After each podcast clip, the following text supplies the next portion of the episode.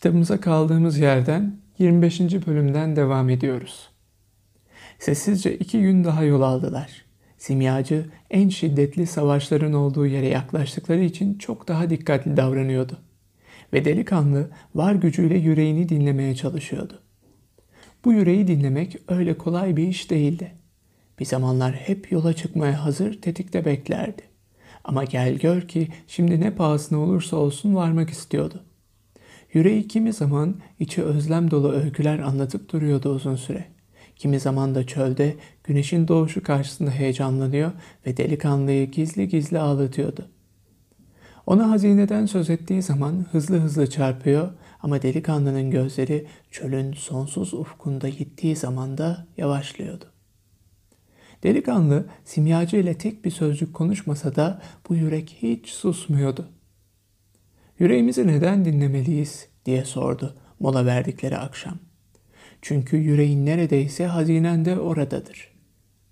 Yüreğim sıkıntılı, çalkantılı dedi delikanlı. Düşler görüyor, heyecanlanıyor ve bir çöl kızına aşık. Çöl kızını düşündüğüm zaman geceler ve gündüzler boyu beni uykusuz bırakıyor. Ne hala, demek yüreğin canlı.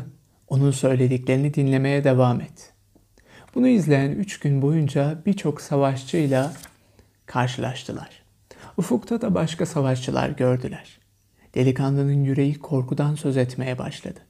Evrenin ruhundan duyduğu öyküleri anlatıyordu delikanlıya.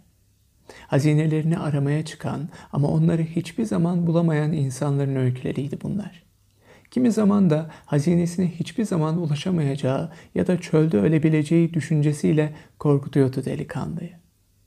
Ya da bazen gönlünün sultanına rastladığı ve bir yığın altın lira kazanmış olduğu için şimdi hoşnut olduğunu söylüyordu delikanlıya.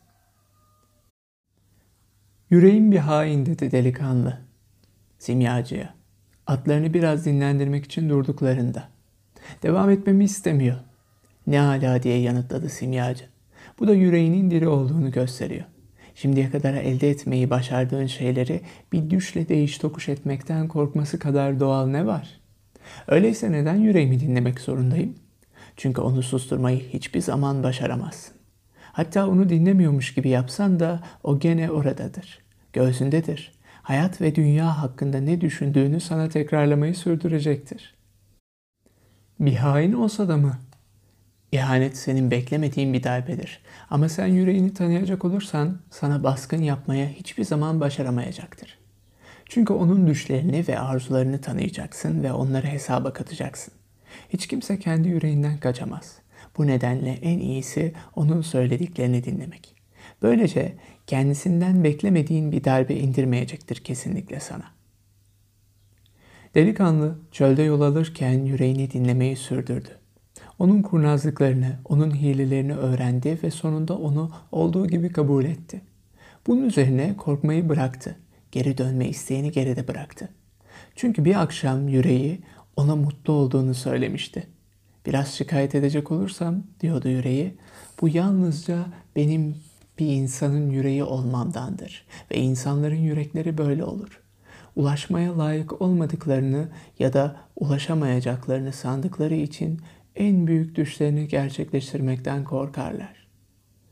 Dirilmemek üzere sona ermiş aşklar, olağanüstü olabilecek ama olamayan anlar, keşfedilmesi gereken ama sonsuza dek kumların altında kalan hazineler daha aklımıza gelir gelmez bizler, yürekler hemen ölürüz.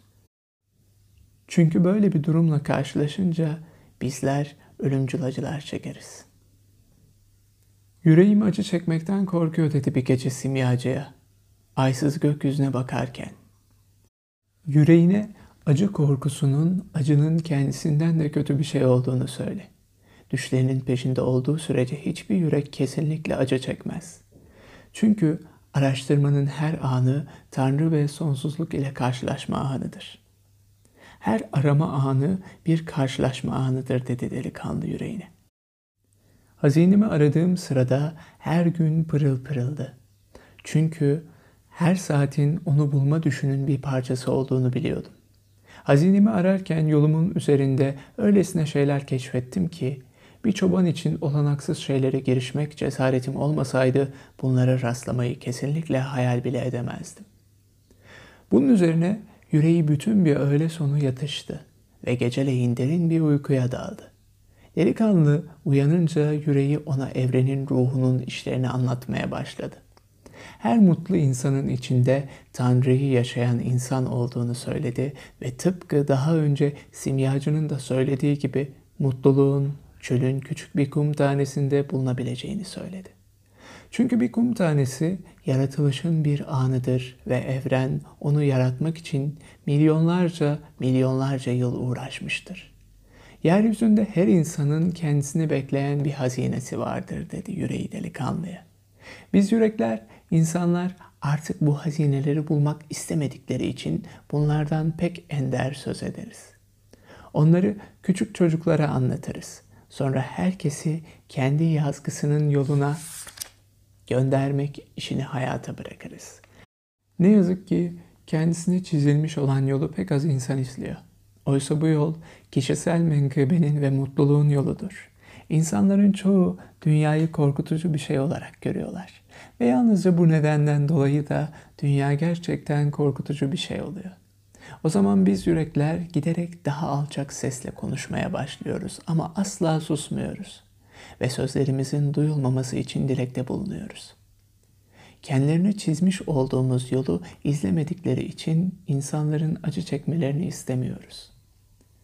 Peki yürekler insanlara düşlerinin peşinden gitmek zorunda olduklarını neden söylemiyorlar? diye sordu delikanlı simyacıya. Çünkü bu durumda en çok yürek acı çeker ve yürekler acı çekmekten hoşlanmazlar. Delikanlı o gün yüreğini dinledi. Ondan kendisini asla terk etmemesini istedi. Ondan düşlerinden uzaklaşacak olursa göğsünde sıkışmasını ve kendisini uyarmasını, uyarı işareti vermesini istedi. Ve bu işareti ne zaman duyarsa ona dikkat edeceğine yemin etti. Delikanlı o gece bu konuların hepsini simyacı ile konuştu ve simyacı delikanlının yüreğinin evrenin ruhuna geri dönmüş olduğunu anladı.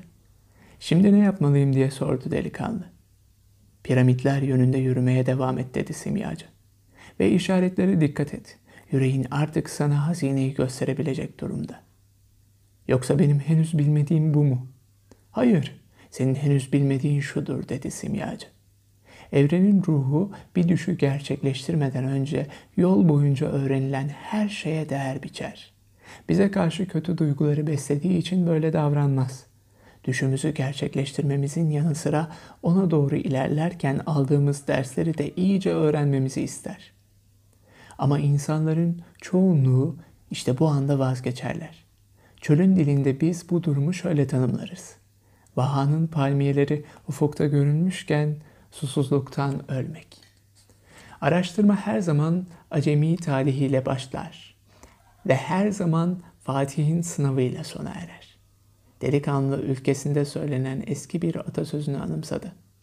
En karanlık an şafak sökmeden önceki andır. Bu bölümün sonuna geldik. Bir sonraki bölümde görüşmek üzere. Geceyim olarak sizler için Şeker Portakalı kitabını da seslendirdik. Dilerseniz bu listeye Şeker Portakalı kitap seslendirmesi adıyla arayarak ulaşabilir ve hemen dinlemeye başlayabilirsiniz.